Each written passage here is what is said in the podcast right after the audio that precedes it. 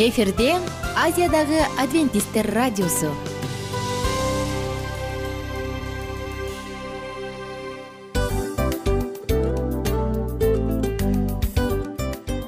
Достор салют. Баардык сүйүктүү угармандарыбызга салам айтабыз. Кутман күнүңүздөр менен. Ден соолук өмүрдүн булагы демекчи саламат саамы программасында баарыңыздарды көргөнүбүзгө абдан кубанычтабыз. Анда алгач амандашып өтөлү арбаңыздар деп. Ден соолугуңуздар кандай элибизде көбүнчө ден соолук кандай дегенде эле жакшы деп жооп беребиз жооп ооруп турсак дагы жакшы дейбиз. Анан мен муну айтып ойлойт элем бул абдан сонун сөз депчи анткени бул жакшы деген үмүт да ооба баары жакшы болот баары сонун. Деп үмүттөнүп атып эле өзүбүздү өзүбүз дарылап коебуз.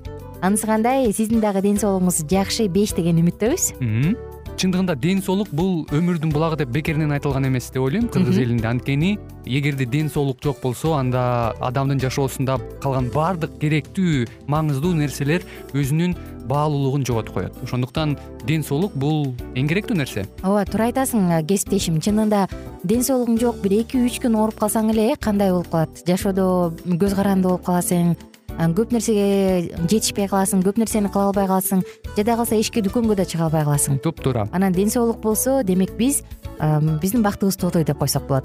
Анда достор саламат саамы рубрикабызды баштайлы. Алдыда өзүңүзгө керектүү болгон сонун кеңештерди уга аласыздар. Мына ошондуктан биз менен бирге болуңуздар. Ал эми биз болсо милан жана айнура. Кеттик алга. Алга саламат саама ден соолуктун жарчысы. Саламат саама ден соолуктун ачкычы. Күн сайын сиз үчүн мыкты кеңештер сонун жаңылыктар кызыктуу фактылар. Биздин рубрикада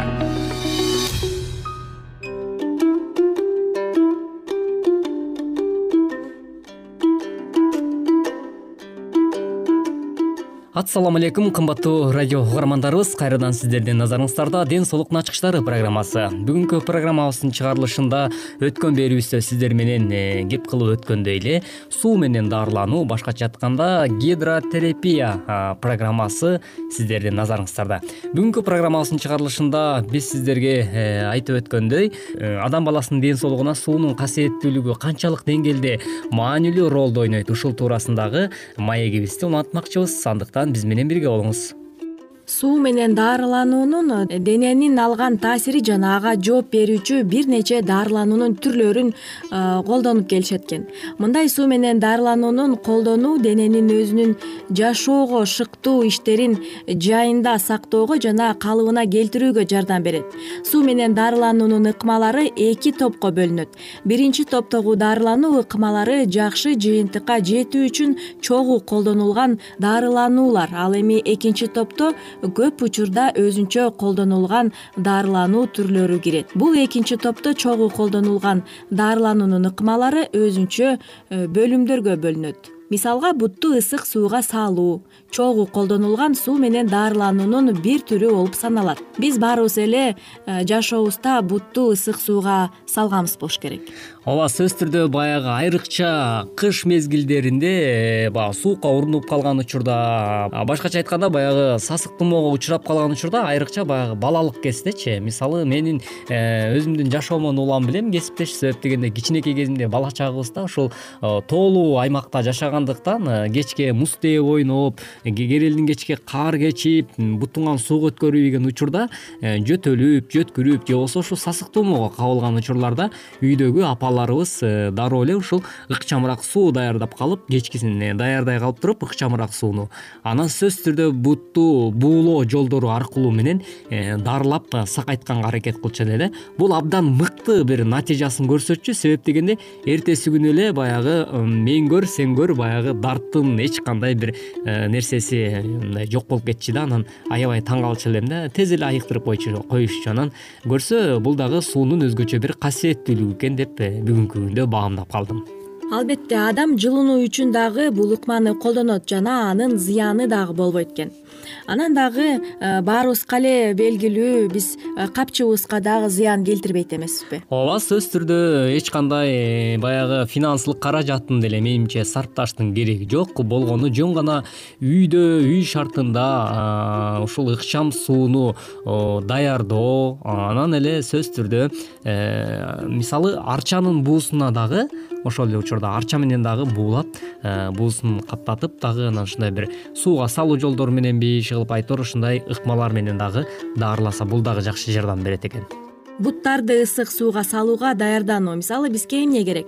Бул ыкманы бизге албетте отургуч керек андыктан отургучка сүлгү жайып алыңыз. Бул ыкманын суунун ыкчамдыгы кырк градус болуш керек. Ошондон кийин анан процедураны баштасаңыз болот. Ооба сөзсүз түрдө баягы өтө баягы бут күйүп кеткен абалда эмес кырк градуска чейин даярдап алып туруп ыкчам кылып алып жогоруда айткандай эле анан бутуңузду буулоо жолу аркылуу өзүңүздүн саламаттыгыңызды чыңдаганга жакшы жардам берет экен буттарды жана алардын терисинин сырттагы кан айлануусу жакшыртат э, жана баш оорулардан дагы бизди сактайт экен. Төштүн ички мүчөлөрүндөгү жана кичи жамбаш ичиндеги мүчөлөрдүн чогулган керексиз нерселерден аркылуу жардам берет.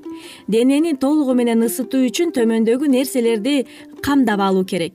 Дененин сергитүү ыкмасы же аны толугу менен орош үчүн керектүү шейшеп даярдап алыңыз. Андан кийин жаткан адамды жакшылап тердетүү керек эгер тердебей жатса анда ыкманын убактысын узартуу зарыл жеңил оорунун алдын алуу же аны пайда болсо жок кылууга жардам берет.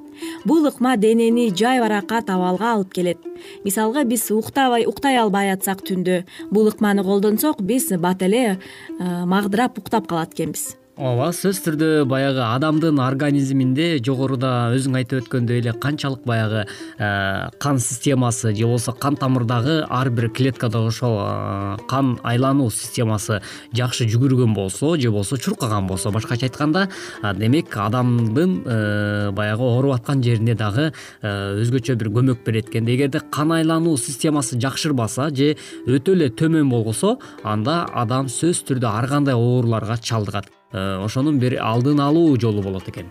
Мисалга согончукко суук тийүүсүнөн сактоочу же анын айыктыруучу ыкма болуп да саналат экен. Кандагы ак клеткалардын дагы жогорулатат экен. Буттарды сууга салуу буттарды ысык сууга салуу ыкмасын колдонуп жатып баарынан мурда суу куюлган чылапчындын алдына суу өткөрбөгөн нерсени анын үстүнө калың кездемени ал анын үстүнө болсо шейшеп төшөңүз биринчиден цефалгия баш ооруну жөнгө салат. Экинчиси төштүн жана кичи жамбаш ички мүчөлөрүндөгү чогулган керексиз нерселерден арылууга жардам берет. Мурундан суу агып жатканда суу менен дарылануунун башка ыкмаларын даярдап жатканда мисалга денени э, жылытып ысытууда мурун канап жатканда мурундагы канды токтотууга да жардам берет денени жай жана тынч абалга алып келүүнү да камсыз кылат экен. Терс жагы жана сактануу жолдору. Эң маанилүү ыкманы колдонуп жаткан адамдын бутту сууга кирерден мурун сиздин колдоруңуз биринчи кириши керек. Биринчиден кан айлануунун бузулган абалда бул ыкма терс таасирин тийгизет ысык же муздака сезимталдуулугу төмөн болсо буттардын кан менен камсыз болуусу жетишсиз болсо мисалга кант диабети менен ооруган болсоңуз кан тамырларынын оорусу болсо анда бул ыкма терс таасирин тийгизет ооба жогоруда кесиптешим айтып өткөндөй эле э, баягы ар бир нерсени кылып жаткан кылып жаткан учурда сөзсүз түрдө өзүнүн эрежеси менен кыла турган болсоңуз анда сиздин ден соолугуңузга туура натыйжасын берет деген ишеничтебиз. Анда эмесе урматтуу угармандар ушуну менен бизге бөлүнгөн убактыбыз да өз соңуна келип жетип калды. Кийинки берүүдөн кезиккенче саламаттыгыңыз сактыкта болсун деген тилек менен программабыздын көшөгөсүн жабабыз сак саламатта калыңыз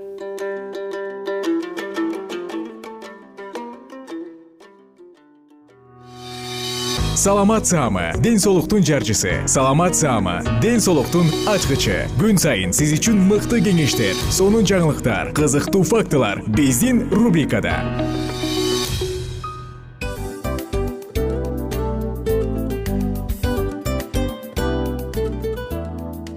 Салют замандаштар баарыңыздарга ысык салам дил маек программабызга кош келиңиздер.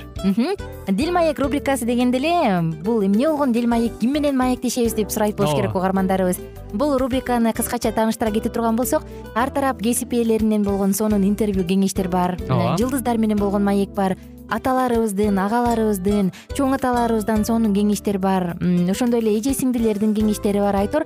Баардык кызыктардын баары алдыда. Негизи эле адам баласы бир кимдир бирөөнө ишенип сырын ачкысы келет эмеспи э мындай баарлашууга жакын келебиз го. Албетте. Негизи бир жерге отуруп алып кенен шашпай баягы жүрөктөн жүрөккө ачып сырларыбызды ар кандай көйгөйлөрүбүз менен бөлүшүп баягы чын жүрөктөн маек курганды кимибиз сүйбөйбүз э? Ооба десең ал нерсеге суусап да келебиз да. Ооба кээ бирде адамга чындыгында баягы э, ысык маек баягы жылуу маек жетишпейт да. Ошондуктан биз ушул рубриканы ойлоп тапканыбызда эң биринчи эле достор сиздер менен чын жүрөктөн бир маңыздуу темаларды козгоп кеткени э, кааладык. Ошондуктан ушундай сонун бир рубриканы тартуулап жатабыз. Анын үстүнө радио дагы сонун дос да анткени э, мындай учурда досуңа айтсаң досуң досуна айтат досу досуна айтат да анан бүт өлкө билип калышы мүмкүн го. А радио болсо сени сатпаган сенин айыбыңды ачпаган сенин сырыңды эч кимге айтпаган сонун дос ошондуктан биздин алдыдагы айта турган кеңештерибизди биздин досторубуздун кеңештерин угуп анан ал жака пикириңизди дагы калтырып кайрадан биз менен байланышсаңыздар болот. Деги эле жашооңузга эгерде кичине болсо дагы өзгөрүү алып моралдык жактан нравовалык жактан сонун бир кеңештерди алсаңыз демек биз максатыбызга жеттик. Ооба. Чыңгыз атабыз улуу жазуучу э, чыңгыз айтматов айткандай адам болуу бул күнүмдүк процесс экен. Күн сайын адам бойдон калуу бул адамзатка эң эле кыйын дейт э? э эң кыйын дейт. Чындыгында бунун э, негизинде адамдын эң баягы сапаттуулугу адамдын э, адамгерчилиги жана көптөгөн керектүү нерселер. Мына ошол темалар дагы бизде ушул дил маекте биз аларды да козгойбуз.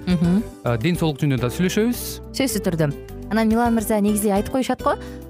Биз көбүнчө эмнени ойлонсок ошол нерсеге карата иш кылабыз го. Ооба. Анан анысы кандай? Балким бул радио баракчада кимдир бирөөнүн оюн текшергенге жардам берет кимдир бирөөнүн жүрөгүн текшергенге жардам берет. Балким кимдир бирөөгө жашоонун маңызын тапканга жардам берер. Айтор кызыктын баары алдыда бул жөн гана кыскача жарнама анда угармандарыбыздын баардыгын кийинки рубрикабызга чакырабыз. Ал эми кызматта маңдайымда отурган кесиптешим милан жана мен айнура анда эмесе биз даярдаган терең терең ойлор менен таанышууга кеттик. Алыс алыс баралык. Анда эмесе достор биз менен бирге болуңуздар. Алдыда эң кызыктуу маалыматтардын баардыгы бир нече мүнөттөр бою жалгыз гана сизге арналат. Мына ошондуктан жакшы маанай менен угууну каалайбыз үн алышканча. Жөнөдүк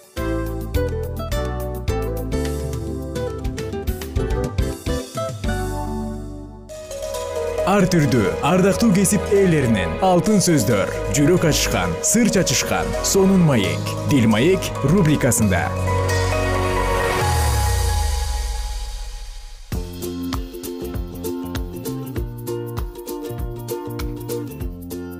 Саламатсыздарбы ардактуу угармандар. Сиздер менен кайрадан мен аку дил маек уктуруусунда мурунку уктуруубузда убада кылгандай телефонго болгон көз карандылыктан кантип арылыш керек деген теманы улантабыз. Эмесе телефон адамдын бир гана ден соолугуна эмес аң сезимине психикасына дагы таасир берерин мурунку уктурууда айтканбыз эсиңизде болсо.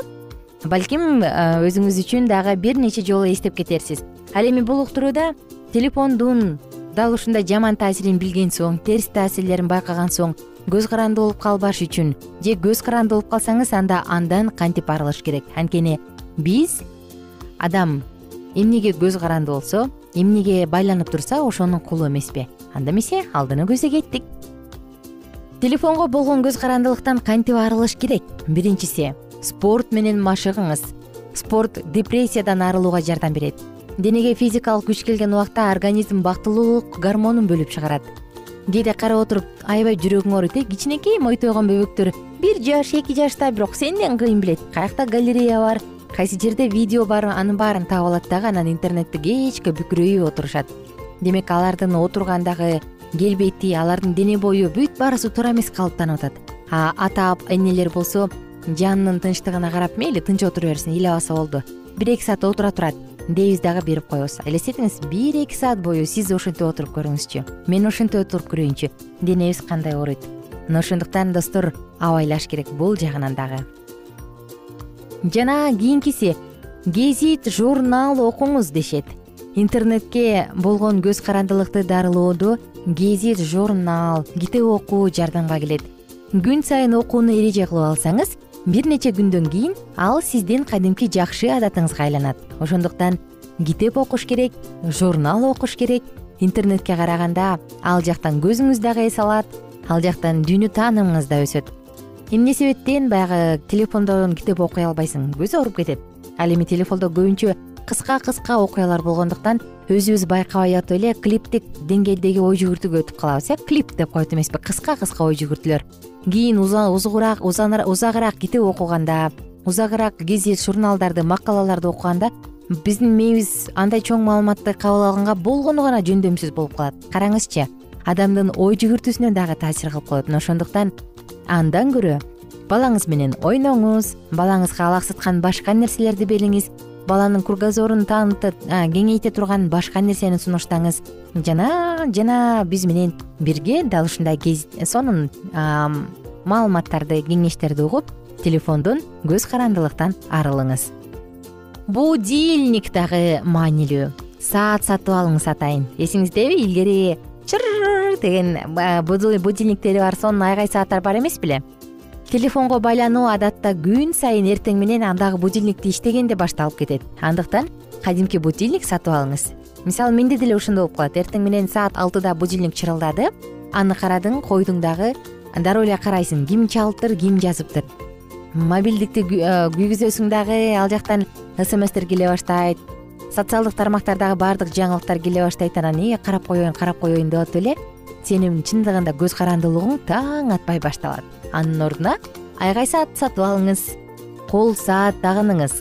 Интернет фанаттарынын мен телефондон болгону саатты карайм деген шылтоосу бар. Бирок алардын саатты эле караганы бир нече мүнөттөн саатка созулуп кетиши мүмкүн. Андыктан кол саат тагынуу да виртуалдуу жашоодон чыгууга кайсы бир деңгээлде жардам берет улам улам телефон карап саатты карайм деп андан ары кирип кетип андан ары уланткандан көрө колуңузга саат тагынып алыңыз.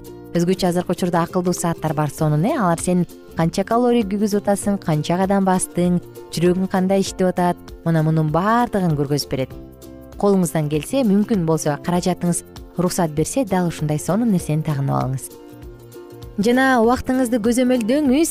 Алгачкы учурларда телефонуңузга убакыт режимин орнотуп коюңуз. Мисалы бир саатка коюп сигнал болгондо канчалык кызыктуу тема талкууланып жатпасын социалдык тармактардан дароо чыгып кетиңиз. Күндөн күнгө белгиленген мөөнөттү азайтып кете бериңиз. Же болбосо тескерисинче сигнал берилмейинче социалдык тармактарга баш бакпаганга үйрөнүңүз. Мында барган сайын убакытты көбөйтүүгө туура болот. Убакыт өтө эле курч убакыт өтө эле жаман убакыт буу сыяктуу деп коет эмеспи убакыт жаман дейт э? Анысы кандай азыр бар бирок социалдык тармактарды бир сыйра чукулап анан чыккандан кийин эч нерсең жок. Болду. Сендеги запаста турган бир саат жок. Бир жолу бир айым жумуштан келип анан бир аз бош убактысы бар экен. Ушул убакта эртерээк жатпасам деп анан социалдык тармактарымды бир карап коеюнчу деп кирип баарын бир сыйра карап лайк басып аны муну кылып комментарий жазып чыксам дейт бир жарым саат өтүп кетиптир дейт. Көз ачып жумганча анысы кандай социалдык тармактар телефондун ичиндеги компьютердагы мунун баары убакыт уурдагычтар. Жана достор телефондон кутулуш үчүн телефондон көз карандылыктан арылыш үчүн дейинчи туурараак сыр сөз орнотуңуз. Өзүңүз сүйгөн сайттарга кирүүнү татаалдаштырып коюңуз. Мисалы ар бир кирген сайын татаал сыр сөз жазып кире турган кылып койсоңуз аны улам улам улам сайындан эле терүүнүүдөн эринесиз дагы бара бара калуу жоголот э жазып отурайынбы анан эле кирейинчи. Койдурайынчы ай дейбиз э. Көп учурда биз кандай тескерисинче бармакты же сөөмөйдөн тийгизип койдуң? Ал сенин дал ушул отпечаток деп коет эмеспизби изин тааныды дагы ачты.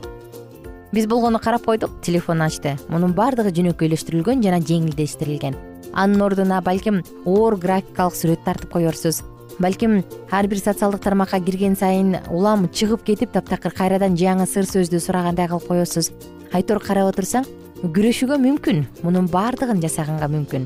Ошондуктан достор сиздерге кааларыбыз эч нерседен көз каранды болбоңуз. Адам эмнеден көз каранды болсо демек ошонун кулу деп коет эмеспи. Мына ошо анысы кандай? Кул болбоңуз эркин адам болуңуз. Анткени бизге жаратуучу эркиндикти белек кылган атым аку кийинки уктуруулардан амандашканча сак саламатта калыңыздар күнүңүздөр көңүлдүү улансын. Биз менен бирге болуңуздар. Ал эми баардык угармандарыбызга кааларыбыз эркин болуңуз. Ар түрдүү ардактуу кесип ээлеринен алтын сөздөр жүрөк ачышкан сыр чачышкан сонун маек дил маек рубрикасында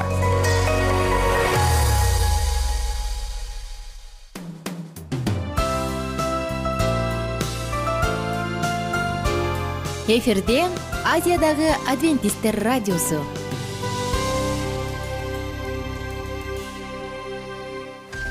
Жан дүйнөңдү байыткан жүрөгүңдү азыктанткан жашооңо маңыз тартуулаган жан азык рубрикасы.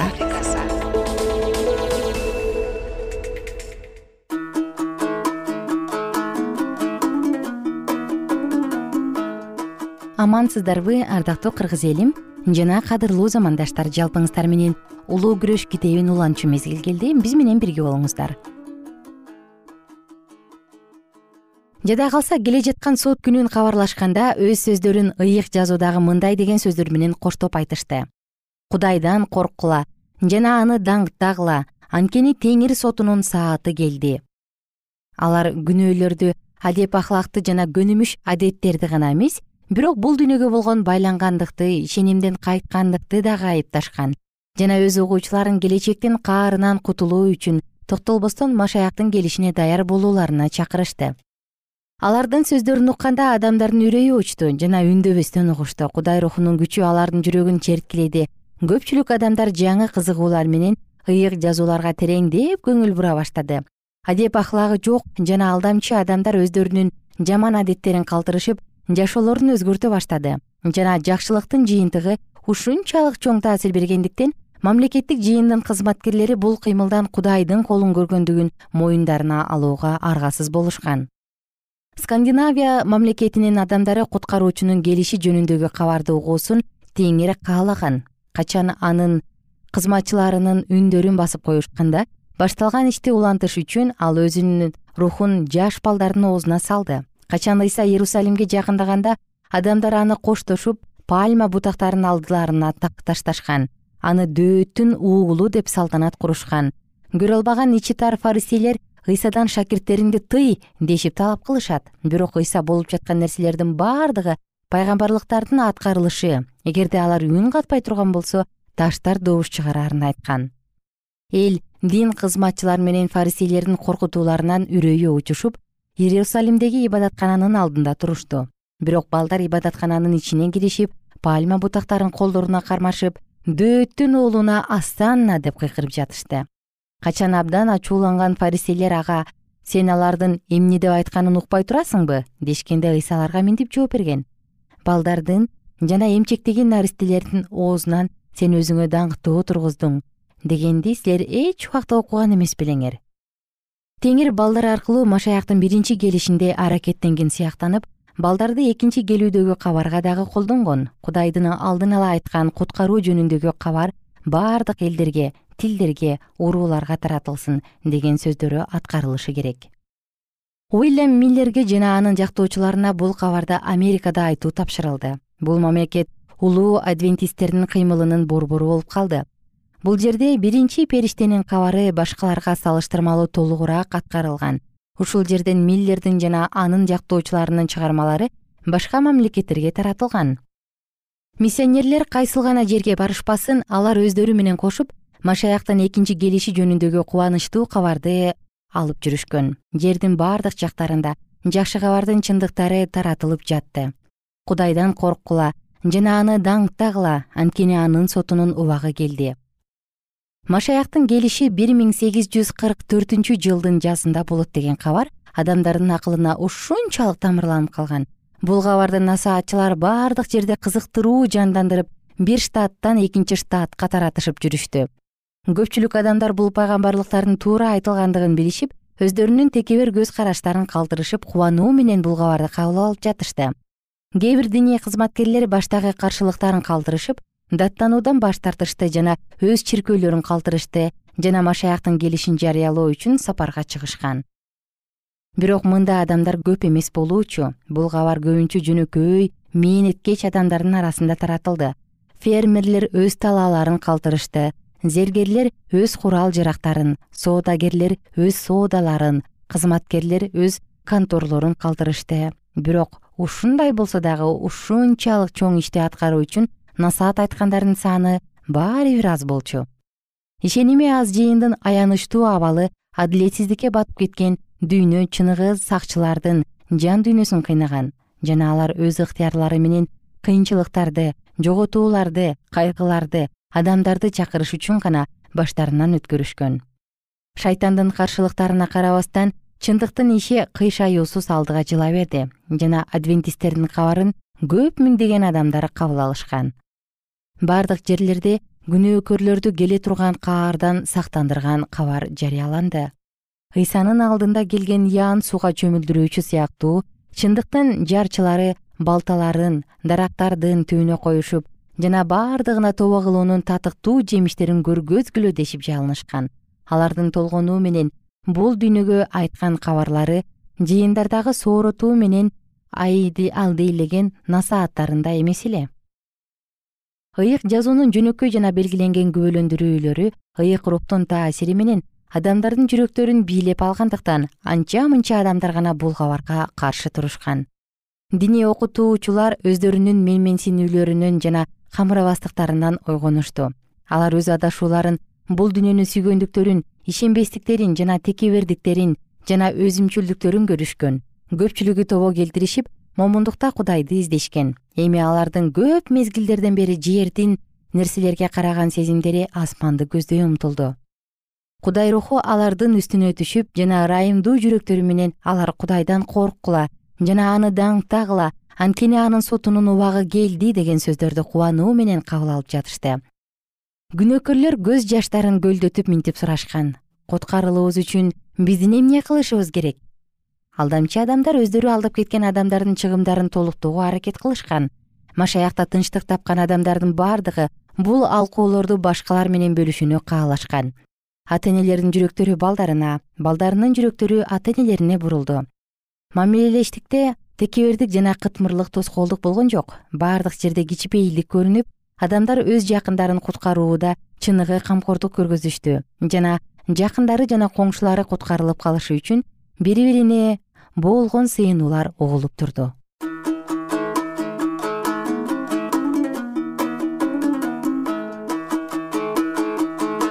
Ардактуу достор сиздер менен бүгүн дагы улуу күрөш китебинен үзүндү окудук. Эмесе кайрадан кийинки уктурууда саатыбызды окуябыз улантканча сак саламатта туруңуздар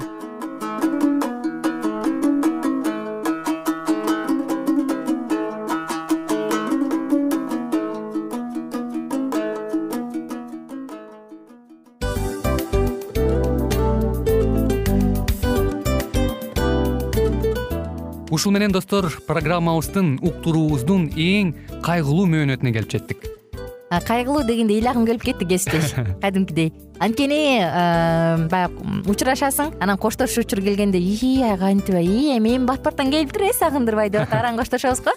Анысы кандай? Угармандарыбыз менен коштошчу учур келди. Кийинки уктурууларды сагыныч менен жүрөгүбүздө кусалык менен күтөбүз жалпыңыздарды анан жарым сааттык уктуруу көз ачышым канча өтүп кетти сөзсүз.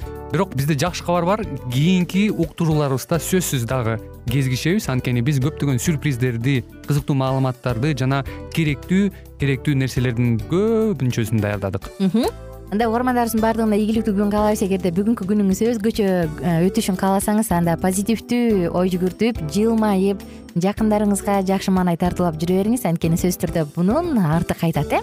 Сөзсүз. Баягы ден соолугуң оңолот ал бул деп көп нерсени санап келебиз. Эң негизгиси бул сиздин жашооңузду жаркын кыла түшөт экен жараткан кудай ар бирөөңүздөргө батасын берсин жашооңуз ийгиликтүү болсун сак саламатта калыңыздар деп мен милан жана кесиптешим айнура. Баардыгыңыздар менен кийинки уктурууда үн алышканча баарыңыздарга ийгилик каалайбыз